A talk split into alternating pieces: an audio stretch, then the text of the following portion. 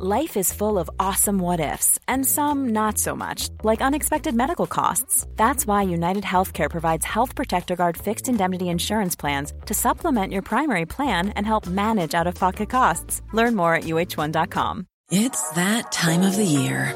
Your vacation is coming up.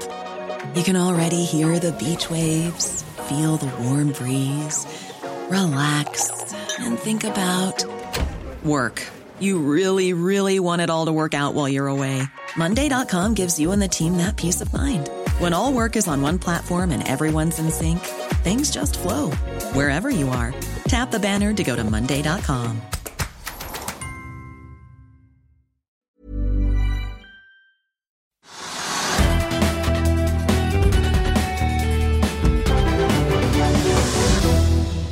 Velkommen til Økonominyhetene på fredag 3.12. Etter en eh, bra start eh, på starten av dagen i dag, så falt hovedveksten litt utover eh, dagen, men har karet seg oppover og er nå opp 0,3% til 1182 poeng. Og da ser det ut til at vi klarer å banke inn en økning samlet sett for uken. Forrige fredag endte hovedindeksen på 1174 poeng etter dette fallet vi hadde på 3,2% som var det kraftigste på et år. Oljeprisen den er opp 1,7 i dag til 71 dollar og 60 cent. Godt opp fra den foreløpige bunnen på 65,75 som vi så på det verste i går. Det var jo OPEC pluss-møte i går. OPEC besluttet å holde seg til denne produksjonsøkningen på 400 000 fat per dag fra januar 2022. Men de åpner i formuleringen sin for å gjøre korreksjoner ved behov, nå som eh, virussmitten er eh, på vei opp og det kommer denne nye omikron-varianten. Rundt oss i Europa så er det grønt på de aller fleste store indeksene med unntak av Helsinki, som er svakt i minus. Futuresene på Wall Street peker mot en rød start på en dag der det har vært litt blandet i Asia.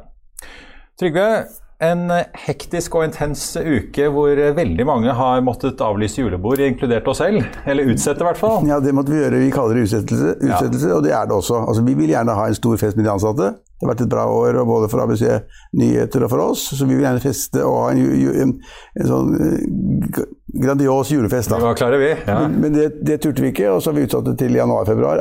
Alt avhengig av hva som skjer. Og det tror jeg er riktig, for det er jo i løpet av et døgn så skjedde jo altså Alt ble annerledes. Julebordene er utsatt mange steder, og noen, noen restauranter er allerede stengt. Fordi man da ikke kan ha buffé, man kan ikke da stå i en barn og kose seg og snakke med en kollega.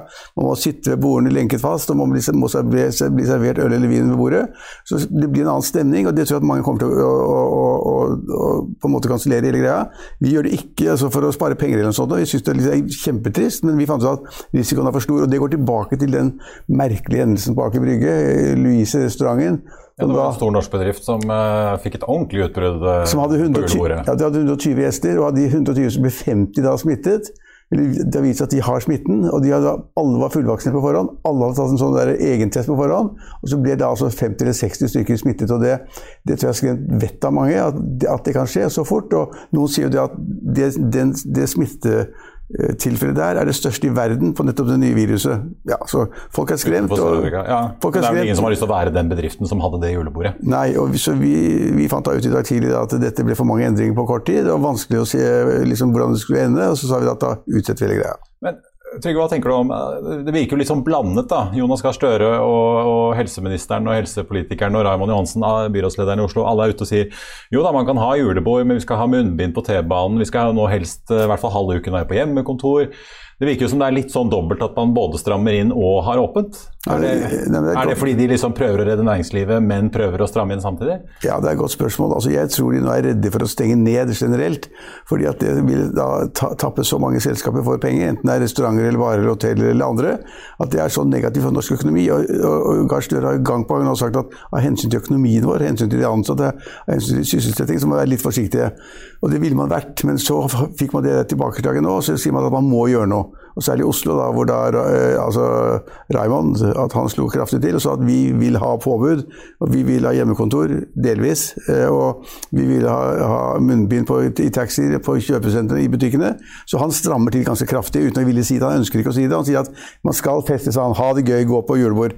Men altså, det, julebordene blir ikke det samme. ikke sant? Så de, de, vil stramme inn, de vil si at de skal gjøre, ha det gøy, men de får ikke helt til.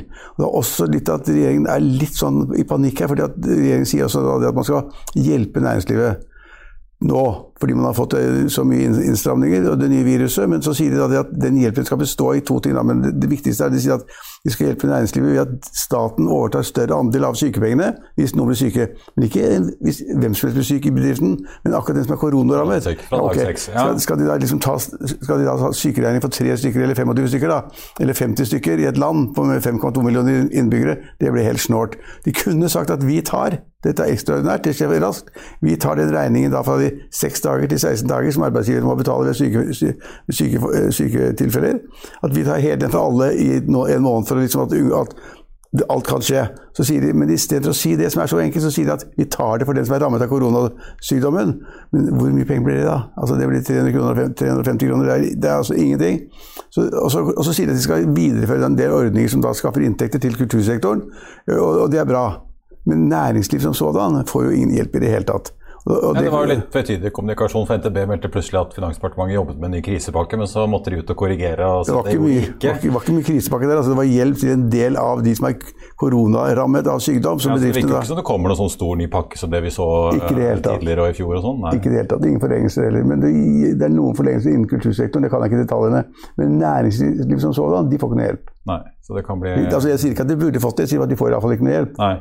Men det kan jo bli krevende for ja, hoteller og restauranter som egentlig pleier å leve av denne tiden av året? Ja, nå så jeg senest rett før vi gikk i studio, så at den kjente restauranten Maemo har stengt dørene fra mandag.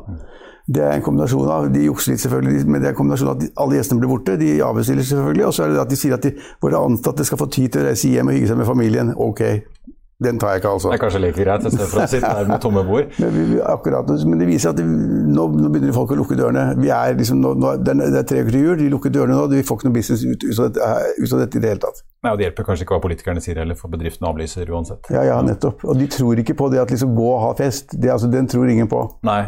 Vi må snakke om eh, hva som har skjedd på børsen i dag. fordi eh, en, en, stor og gammel kjenning i norsk industri, Norske Skog, der har det vært et stort aksjesalg på en halv milliard. Ja, altså der, ja, der, er det jo litt interessant, for det er, jo, altså det, er, det er et av de største fallene i dag. da. Det faller 7 eller sånn nå. Markedet mest oppsatt og mest, eller ja, store tapperen? Ja. ja markedet er jo litt kjedelig, da, men altså, de, de internasjonale børsene er, er, opp. og det skyldes, ikke vet jeg, altså, Det er liksom en rimelig god stemning. og Så var man veldig avventet til det, det du var inne på til å begynne med, nemlig OPEC pluss, altså hva de kom frem til. Og De kom jo da frem til at de ville fastholde den der produksjonsøkningen som de har bestemt for lenge siden, med 400 000 fat per dag. og det, Egentlig skulle de føre til at prisen falt litt. Grann, litt grann men prisen har økt litt, 1-2 dollar på fat. Eh, og verden har tenkt som sånn ok, dette kan vi leve med. Men, så, så det var vanskelig å finne ting på Oslo Børs som var ikke spennende i dag. Men det, så, nei, det mest spennende da, av det kjedelige, det er da Norske Skog, som da, da falt 7 fordi at en av hovedaksjonærene selger ut aksjer. Og han selger ut aksjer da med masse sånne forblommede uttalelser om at det er så fint å få en andre i selskapet, og nå er tidspunkt for oss til å gå ut og sånn. Øke friflyten for andre. Friflyten, bla, bla, bla, bla. Men de ville åpenbart ut. Og det er noen, noen, som har sagt at det er litt mystisk måte de gjorde det på, fordi det var flere meglere som da håset aksjen for ganske kort tid siden. Veldig. Opp til 50-60-70 kroner. og Den ble da omsatt nå. Den nye, han som solgte, det store aksjen som solgte, fikk 38 kroner per aksje. Og så er det noen meglere som i lang tid har håset aksjen, og så blir aksjen solgt. Og det, da, det, ser ut som de som da har kjøpt, har fått det billig, og de som har solgt, har fått det bra. Eh, men det er jo snålt at liksom de dumper ut altså en halv milliard kroner aksjer for, aksjer for en halv milliard når eh, Eh, når man da for bare måneder og uker tilbake sa det at aksjen skal bli 70 eller 60 kroner. Ja, vi hadde jo... Da burde jo hovedaksjonæren vente, hvis han trodde han kunne få 60 eller 70 kroner. i hvert fall. Ja, for det er jo på en måte et skift. altså Oceanwood tok jo eh, kjøpt seg inn i gjelden, var jo ganske ledende i hele denne prosessen. Hele prosessen. De konk i 2017. Så ble det ikke samarbeid med Aker. De kjørte jo på alene, overtok fabrikkene og fikk den på børs igjen her for et par år siden.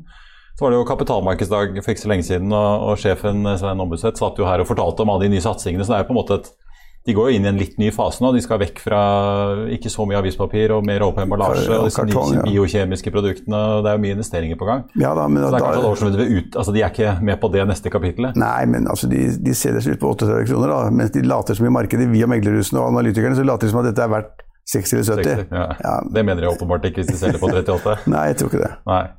Eh, og så kommer det en, eh, et nytt blokkjedeselskap og har søkt eh, notering på Euronext Growth. Norwegian Block Exchange fikk vi melding om her rett før eh, vi gikk på luften. Så det, Ja, det, det, det, er, ikke, det er ikke slutt eh, på kryptopraten ennå. Det er ikke slutt ennå. Det er de selskapene mange land som har gått kraftig. Det er ikke sant? Altså, luft er blitt masse verdt, for ingen kan regne på luft. Så det er jo helt håpløst. Der er vi jo generelt litt skeptiske, med Marius, og det skal vi fortsette å være. Men ja. bitcoin holder seg oppe på 57 000 dollar sånn per enhet, så det, den holder jo kursen oppe, da bit, altså, som sådan. Så det er det mest kjente selskapet. Så, ja. Ja. Og til slutt, eh, trafikktall fra Flyr. Jeg ser aksjen er opp litt over en prosent i dag. Eh, de fraktet 60 582 eh, passasjerer. Halvfulle fly. Men litt fullere enn de har hatt i starten. så Det går ja. i hvert fall riktig vei. Men det er ikke noe lett, uh, Marius, lett tilværelse å ha 54,5% fyllingsgrad. Det er ikke nok. Vi tror ikke på flybransjen, for den er helt kjempeutsatt. Det har vi sagt mange ganger. Vi advarte advart i flere år mot flybransjen. Først Norwegian, og så SAS. Og, og Flyr også. Kan Flyr er under to kroner eller sånn, og det var jo da emisjonskutt på fem kroner. Vi tror ikke på den bransjen. Det er for vanskelig, det er for tøft. Uh, og Belegget er for lite, som du er inne på. Kostnadene er for store. Det er for mange fly rundt om i verden. Det er lett å få tak i fly, men det hjelper ikke noe. Altså Flybransjen skal man holde seg unna. Når virusen er litt, litt ned i dag også. Den holder vi oss unna. Men det som har vært litt interessant denne uken, som markert interessant, det var det at all, alt bråket rundt da kraftprisen og strømprisene har jo medført at interessen for da solenergi er stor. Så mange av de selskapene som er innen sol, tre-fire selskaper, har jo da vært, hatt en pen liten oppgang i denne uken.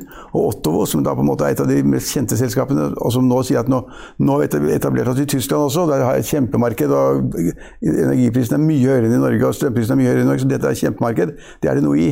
Så uken ble på en måte preget av det at strømprisene er kjempehøye, tar livet av folk omtrent, mange familier i husholdningene. Og så kommer det masse sånne små, veldig små, små solselskaper og sier vi har løsningen. Ta sånne panel på taket og på garasjen og på hytta overalt, og det løser problemet ditt. Ja, og Tova er i gang i Tyskland og er jo allerede på plass i Italia og Spania. Ja, så, så, så, det er interesse for, og går unna. Ja, men det er interesse for solenergi, og det er riktig. Og jeg tror at prisen for solenergi altså den vil falle, selvfølgelig. For det må bli billigere å legge disse panelene, og det vil bli billigere å lagre batteriene. og alt, alt vil, Så solenergi vil få et, en fordel. Men disse selskapene er veldig små, da.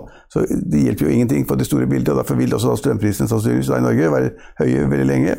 Og det er slik at Folk kommer til å få kjemperegninger hele året. Det kommer til å være bråk hver eneste uke hver eneste dag de kommende tre, fire, fem, seks månedene.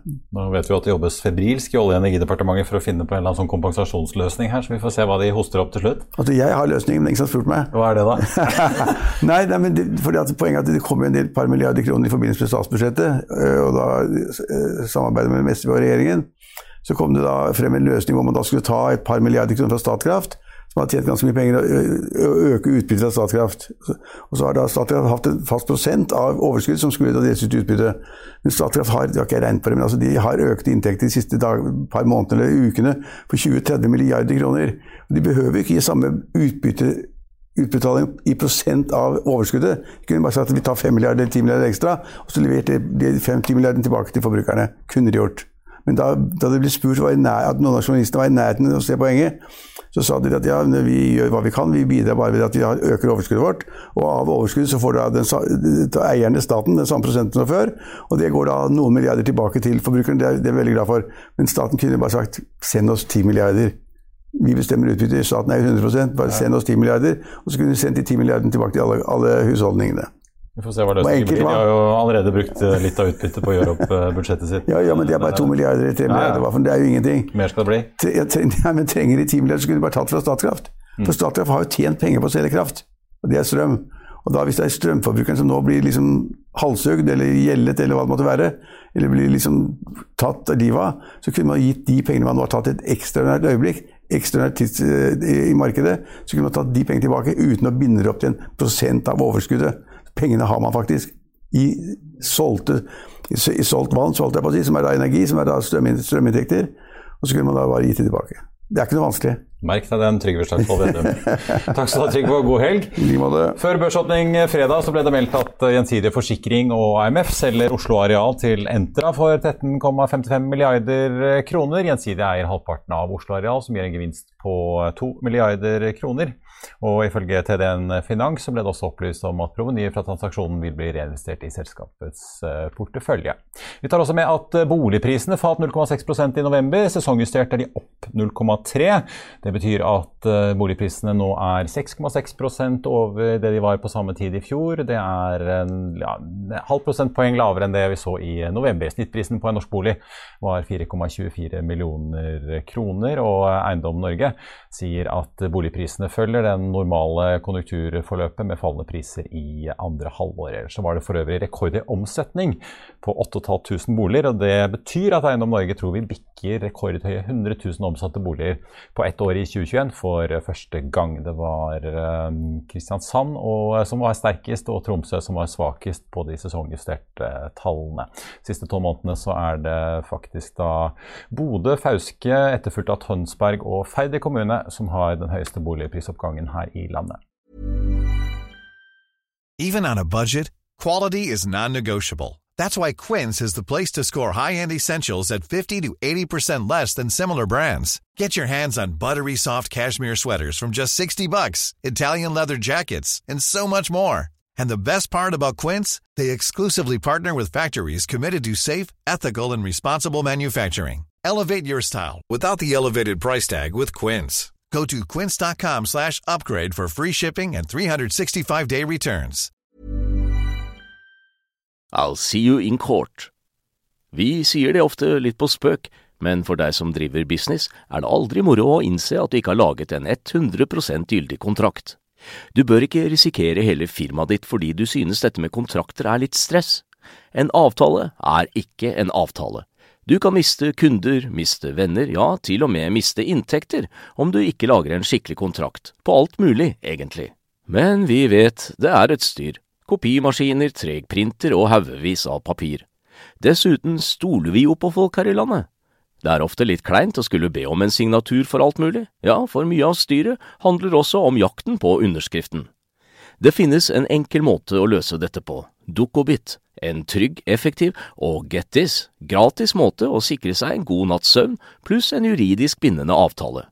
Dukkobit-appen har de strengeste sikkerhetskrav i bunn, samt en EU-godkjent og sertifisert teknologi. Framover vil det bli behagelig å spørre du, skal vi skrive under på det, eller? Kom i gang på dokobit.no. Nå skal vi over til dagens andre gjesteintervju. Litt tidligere i dag så satte jeg meg ned med en av landets skarpeste teknologi- og telekomanalytikere, Frank Maae i DNB Markets. Og her får du den ene delen av praten vår, der vi både snakket om noen svake aksjekurser, nordiske selskaper vi nordmenn burde ta øynene mer opp for, og ikke minst det Frank mener er en åpenbar doblingskandidat her hjemme på Aeronex Growth. Bare se her. Se på hovedindeksen så langt i år da, og siste tolv måneder, opp 21 og 27% Både Telia og Telenor ligger jo langt under det i utvikling. Absolutt. Hvorfor det så, går det så dårlig for Telekom-aksjene? Skulle tro at det var trygt og ja, ja, ja. komfortabelt i en usikker verden. Ja, nei, men Det er sant, for det er det. Men det er ikke det investorene har villet ha. Man vil jo ha vekst, man vil ha andre ting. Så det har vært sånn, det man kaller sånn faktorstyrt faktor, uh, marked. Da, med, med, visse sånne kvantitative Du kan kvantifisere en del sånne faktorer som er populære, som har gitt avkastning.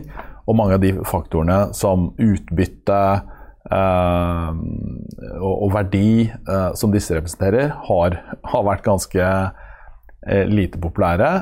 og telekomsektoren generelt har vært slitt i Europa med, med, mer konkurranse. Det har vært nedjustering av estimater, en del sånt nå. Og tilsynelatende så ser jo heller ikke tallene til Telenor så veldig bra ut, ikke sant? fordi de har hatt motvind med, med covid og Asia, som har rammet dem litt der. Ehm, de har hatt mye sånn internasjonal roaming til andre kontinenter, som det er inntekter på fortsatt. Roaming i Europa. Når du reiser til EU, så tjener ikke de noe særlig mer penger på det, med mindre du begynner å bruke store datapakker. Hvis du drar på tur til Sveits, da tjener de mye penger. Hvis du drar til Tyrkia, USA, Thailand, det har Telenor hatt ganske mye inntekter på. Er det penger i lomma? Ja, ja, som har blitt borte nå, da. Ikke sant, med, med covid.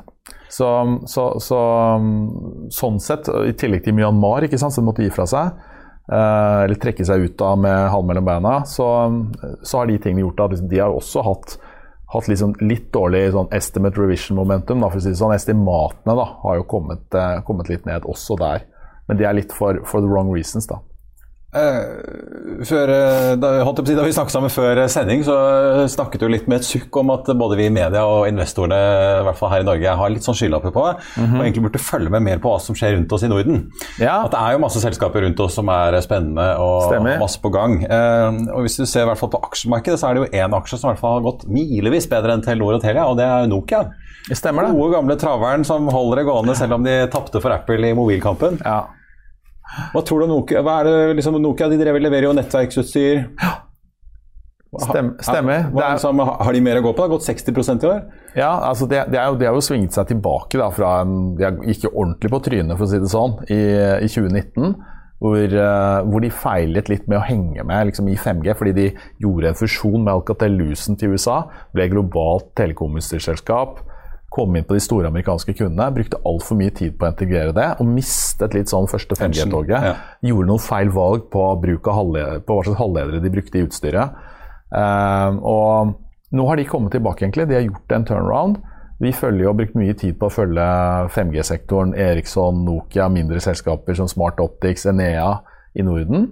Uh, som for så vidt er spennende ting vi også kan snakke om. Men Nokia er, er en aksje jeg vil trekke fram, faktisk. fordi den har gått veldig bra. Jeg tror den har mye mer å gå på også, eh, nå som de er i ferd med å, komme ordentlig ovenpå igjen da, og banse tilbake.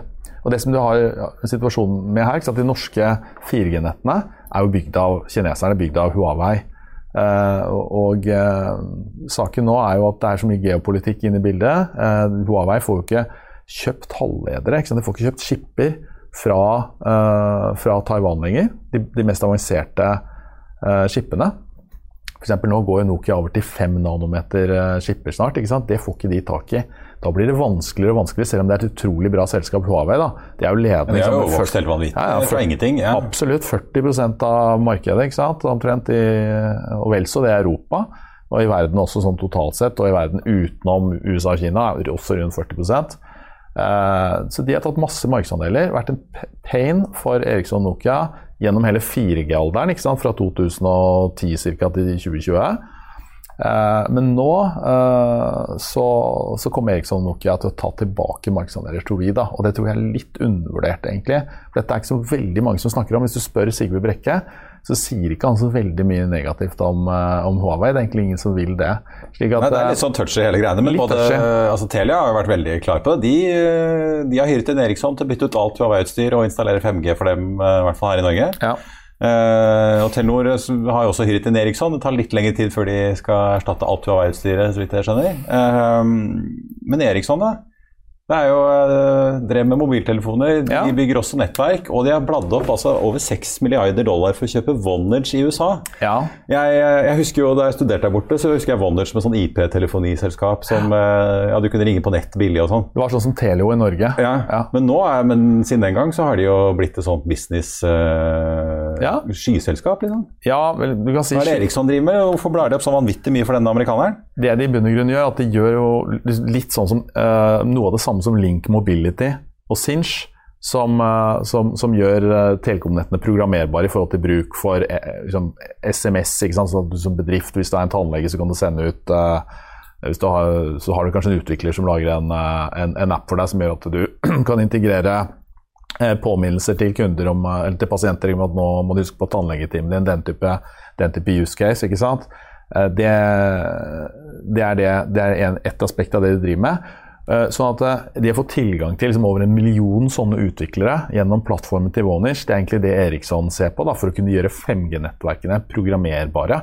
Sånn at du kan f.eks. tenke deg Metaverse, ikke sant? som Mark Zuckerberg har snakket om. ja, Facebook bytter jo navn til Meta. Hvis du har sånn VR-sett, uh, VR, da, ikke sant uh, VR-briller. Ja, virtuell virkelighet og briller. ja. Ikke sant, virtuell virkelighet, og det kan være AR, det kan være mange ting som kommer mange ting der de par-tre neste årene. Eh, så, så, vil det komme forskjellige spill ikke sant? og forskjellige B2B-obligasjoner også inni der, som, eh, som, det kan være aktuelt å også aksessere altså Hvis du har utvikla sånne spill, da, og kunne eh, liksom, aksessere da, plugge deg inn med software-snutter rett inn i nettene, Slik at for eksempel, Hvis du leverer da et abonnement på et spill, så kan du si at hør her, hvis du kjøper premiumabonnement på dette spillet, så får du med garantert bra eh, Båndbredde, liksom. båndbredde. Men Ja. ikke bare båndbredde, men også lav forsinkelse. For det er jo key når du spiller. ikke sant? Og på ARVR er det er veldig viktig å ha lav forsinkelse. da. Eh, så, så ikke man blir skutt før, uh, før motstanderen, f.eks. Så ikke du klikker og likevel har stryker helt, helt klart. Helt på tampen har du et lite aksjetips eh, av en, en liten aktør på Aeronext eh, Growth, som eh, mange kanskje ikke helt har fått med seg gjennom flommen av nye selskaper som har kommet inn eh, det siste halvannet året. Eh, Smart Optics. Stemmer det. Ja. Det er Lite, men det er et lite tips til kanskje de litt mindre investorene, for de er, de har ikke så veldig mye friflyt. Altså, det er jo ikke store selskapet. Ja, jeg tror det er mange institusjoner som kunne tenkt seg å kjøpe aksjer her som egentlig ikke kan, men det er en del som har gjort det òg. Ja, de bygger opp fiber. Noen er litt for store, ikke sant. Eh, ja, nei, altså de bygger, eh, bygger opp, eh, eller bidrar til å bygge fibernettverk. Altså når du bygger 5G-nett f.eks., en av de områdene de har gjennombrudd på nå i USA, det er jo nettopp at eh, Vi snakket om tårnselskap. I USA er det store tårnselskap som også bygger fiber inn til kårene. For, det- tårnet, for det holder jo ikke bare å ha ha, ha, ha ha et telekomtårn med 5G-utstyr med DSL-linje bak. Da, da hjelper det ikke å ha 5G i tårnet. Du må ha fiber inn. Og den fiberen må ha noen uh, elektronikk som liksom lyser opp fiberen. Da? Og sender liksom, det, må, det er lasere, det må sende uh, mest mulig data gjennom, uh, gjennom de glassfiberkablene.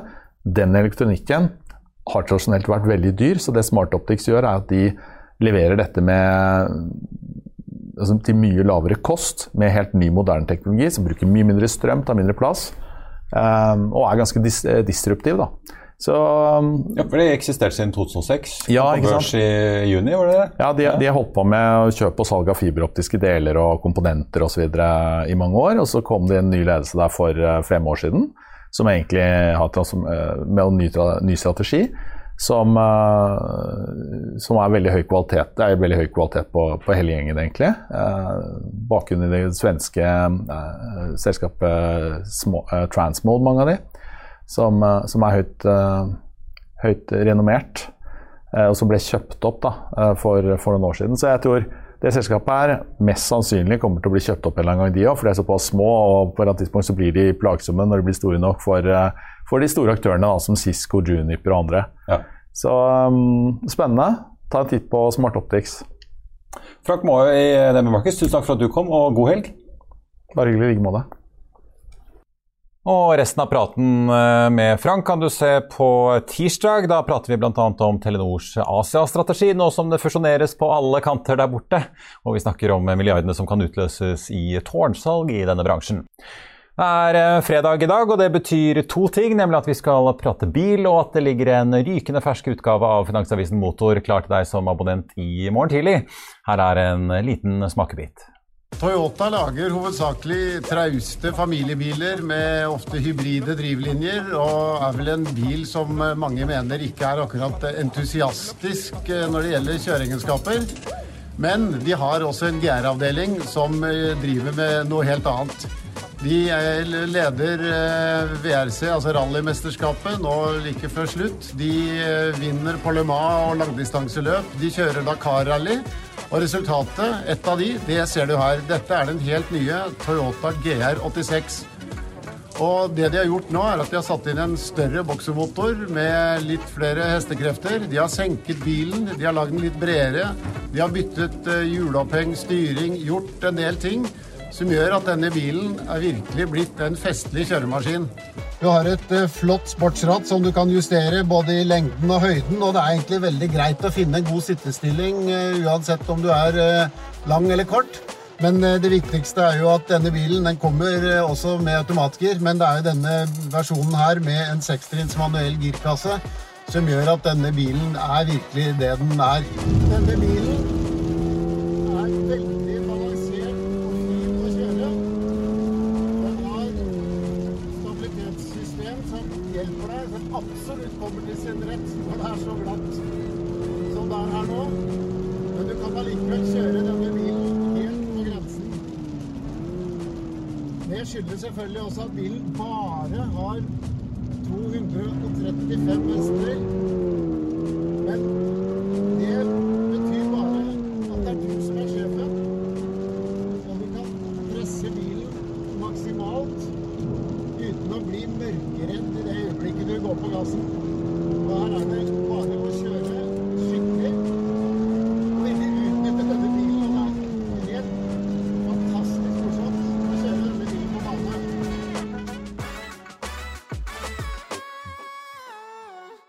Ja, Andreas Scheel, redaksjonssjef i Finansavisen Motor. Da har vi fått eh, kaffen opp i julekrusene våre. Og eh, selv om det bare er 235 hester, så så det ut som det gikk ganske radio unna her likevel i pøsende regnvær? Ja da, det gjorde det. Det er en bil som eh, som sagt, de hestekreftene gjør at akselerasjonen er jo ikke brutal. Men når du først får opp hastigheten, så er det bare å holde deg unna bremsen, så går det jo fortsatt fort. Men dette er jo en bil Jeg husker jo forgjengeren var het vel GT86? Det stemmer. Det er jo et konsept som Toyota har holdt på med ganske lenge. Litt sånn eh, ikke for tung, ganske sånn kompakt eh, morobil uten voldsomme krefter, men som er artig på ja, litt sånn svingete norske veier, kanskje? Det er akkurat det, og det er jo et samarbeid med Subaru, som jo har en søstermodell som heter BRZ, og det er de som har levert motoren, en boksemotor.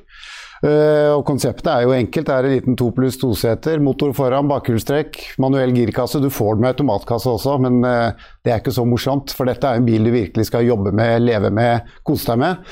Men da det fordrer at du virkelig jobber litt for å få dette til å gå. Men når du da først gjør det, så er det jo faktisk dritgøy. Og der, eh, Du får nesten løfte opp coveret. Altså, disse rare fargene. Det er rett og slett bare fordi Toyota vil ikke vise frem helt hvordan den ser ut ennå? Nei, de skal vel ha verdenspremiere egentlig nå i løpet av desember, tror jeg. Så prisen er jo heller ikke helt klar. men Eh, forgjengeren kostet vel fra 440 000, så vi kan regne med rundt en halv million. og det er klart, Sammenlignet med en eh, Porsche med 100 hestekrefter flere, så må du kanskje ut med det dobbelte eller tredobbelte. Så dette er en bil for de som har lyst til å ha en ordentlig kjøremaskin, men som allikevel har lyst til å være litt sparsommelige med pengebruken.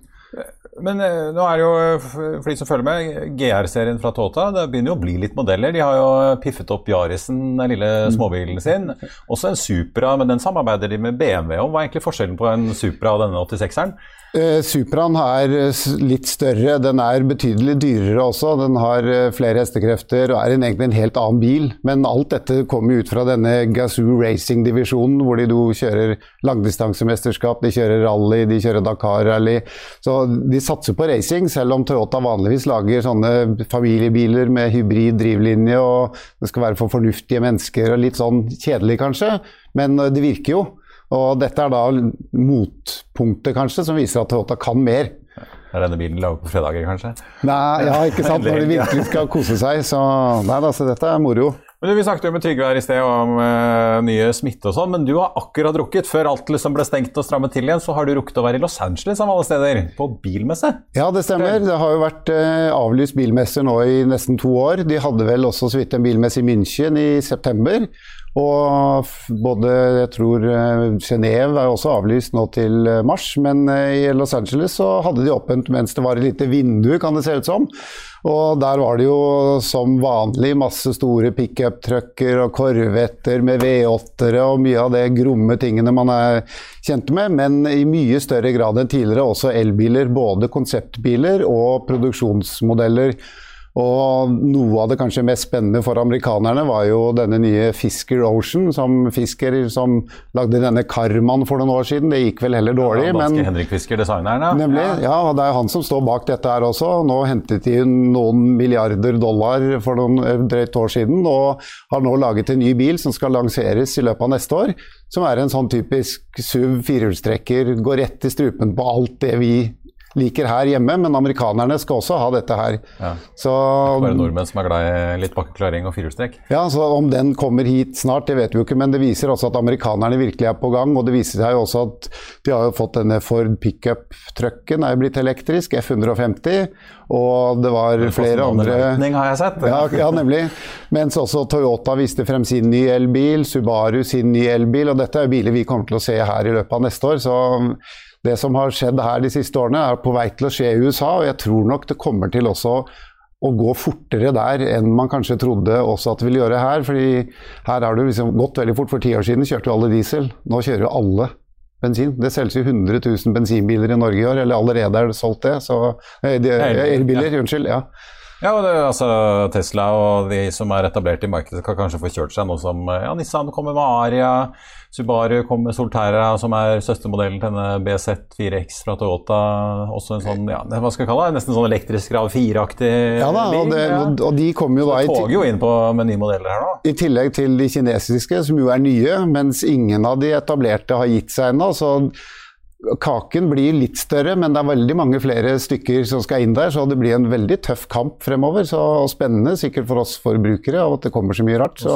har det jo gått rykter om at denne børsfavoritten Rivian, den amerikanske pickup- og elsuv-produsenten, vil etablere seg i Norge. Så vi får se om noe av de ordentlig store amerikanske bilene kommer hit òg? Ja, det er klart. Eh, foreløpig har jo de snakket om at de skal lage bil, og har ikke fått til noe. Som Trygve snakket om her i sted, at eh, luft er det mye av.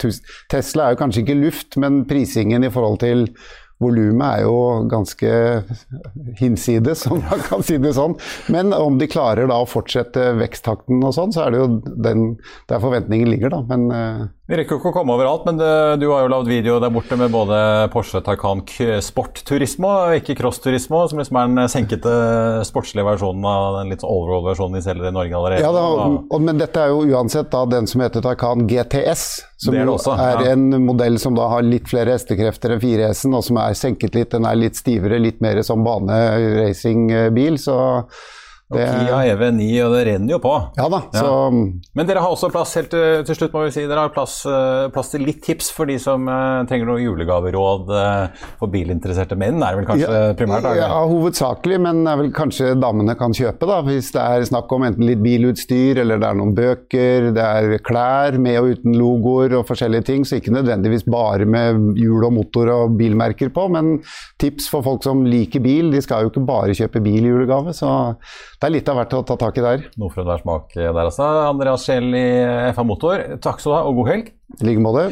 Da skal vi ta en kjapp titt på hovedindeksen opp på tampen av uh, uken. Opp 0,4% til 11,82. og Da ser det ut som vi altså klarer å hanke inn en samlet oppgang denne uken. Det er uh, fortsatt Norske Skog som er mest omsatt, og den store taperen i dag med en nedgang på 7,4% etter at storeier Eh, Oceanwood med John Chang i spissen, styreleder altså, varslet et salg i går som de nå har gjennomført til 38 kroner aksjen. Norske Skog ligger inne på 37,45. Ellers så tar vi med at Flyr fortsetter opp 1 etter sine trafikktall i dag. SAS ned 2,5, Norwegian ned 1,3 og Norse Atlantic er faktisk opp 2 eh, i dag, hvis vi ser på flyaksjene der, altså.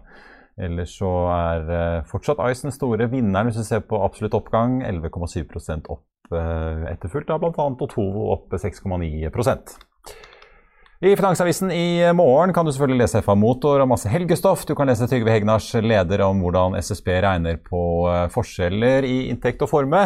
Og selvfølgelig masse annet stoff om vin, mote og andre saker.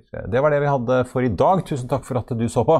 Vi er tilbake på mandag klokken 14.30. I mellomtiden ønsker vi deg og dine en riktig god helg. Takk for nå.